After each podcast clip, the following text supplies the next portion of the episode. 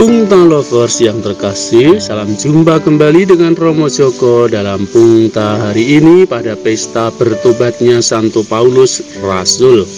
Diambil dari Injil Markus bab 16 ayat 15 sampai 18. Renungan kita berjudul Gunawan Wibisono.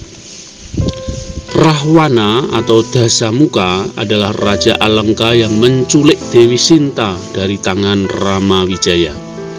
Rahwana ingin memperistri Sinta karena dia adalah titisan dari Betari Widowati, istri Dewa Wisnu. Rahwana mempunyai tiga adik, Kumbo Karno, Sarpo Knoko, dan Gunawan Wibisono. Semua berwajah raksasa, hanya Gunawan yang punya wujud manusia tampan dan bijaksana. Gunawan sering mengingatkan bahwa tindakan kakaknya Rahwana adalah salah besar. Ia minta supaya Rahwana mengembalikan Sinta. Namun Rahwana marah diingatkan oleh adiknya. Ia bersumpah tidak akan mengembalikan Sinta. Gunawan memutuskan untuk pergi ia tidak mau berpihak pada Rahwana yang salah. Gunawan pergi ke Ayodhya mengabdi kepada Rama. Ia berpihak pada yang benar. Kendati Rahwana adalah saudara, tetapi karena tindakannya salah, Gunawan tidak mau mendukungnya. Ia memilih berpihak pada kebenaran.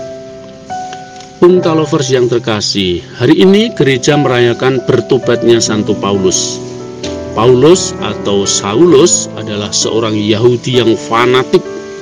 Saking fanatiknya, dia berusaha menangkap dan memenjarakan pengikut Kristus yang dianggap sebagai sekte baru. Pengikut Kristus ini dianggap duri dalam daging bagi kaum Yahudi dan mereka harus dimusnahkan. Maka Saulus mengejar mereka sampai ke Damsik. Dengan surat kuasa dari para tetua dan imam kepala, ia menangkap pengikut jalan Tuhan. Tetapi di tengah perjalanan, Yesus menampakkan diri kepada Saulus. Ada suara yang berkata, Akulah Yesus yang kau aniaya itu. Di sinilah titik balik kehidupan Saulus Perlahan dan pasti dia dibimbing kepada kebenaran sejati. Dia akhirnya menemukan bahwa keselamatan hanya ada dalam Yesus. Paulus berani berkata, "Bagiku hidup adalah Kristus dan mati adalah keuntungan." Seluruh hidupnya dipakai untuk mewartakan Kristus. Bahkan dia berkata, "Celakalah aku jika aku tidak mewartakan Kristus." Kini Paulus berada di pihak Kristus, ia menjadi milik Kristus. Bagi bangsa Yahudi, Paulus mungkin seperti Gunawan Bibisono yang membelot ke pihak Ramawijaya. Gunawan tahu mana yang benar dan mana yang salah. Ia memilih berada di pihak yang benar, kendati harus mengorbankan saudaranya.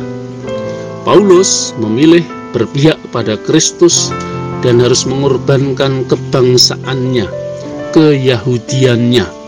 Ia meninggalkan agama Yahudi dan percaya kepada Kristus. Ia dengan semangat berkobar-kobar mewartakan Kristus yang bangkit. Ia menyatakan bahwa iman kepada Yesus Kristuslah yang menyelamatkan, bukan aturan-aturan dari hukum Taurat. Apakah kita juga pernah mengalami pertobatan seperti Paulus? Apakah kita juga berani bersaksi tentang iman kita kepada Kristus seperti yang diwartakan Paulus? Jangan sampai iman kita ini mati dan dipendam sendiri di dalam hati kita, sehingga tidak ada buahnya. Mari kita bertobat dan kita wartakan iman kita kepada sesama. Paulus mengalami pertobatan, ia jadi pewarta unggul sepanjang zaman.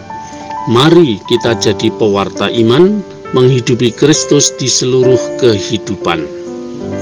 Sekian, sampai jumpa. Salam sehat ya. Jangan lupa selalu bersyukur. Tuhan pasti memberikan kebahagiaan. berkah dalam.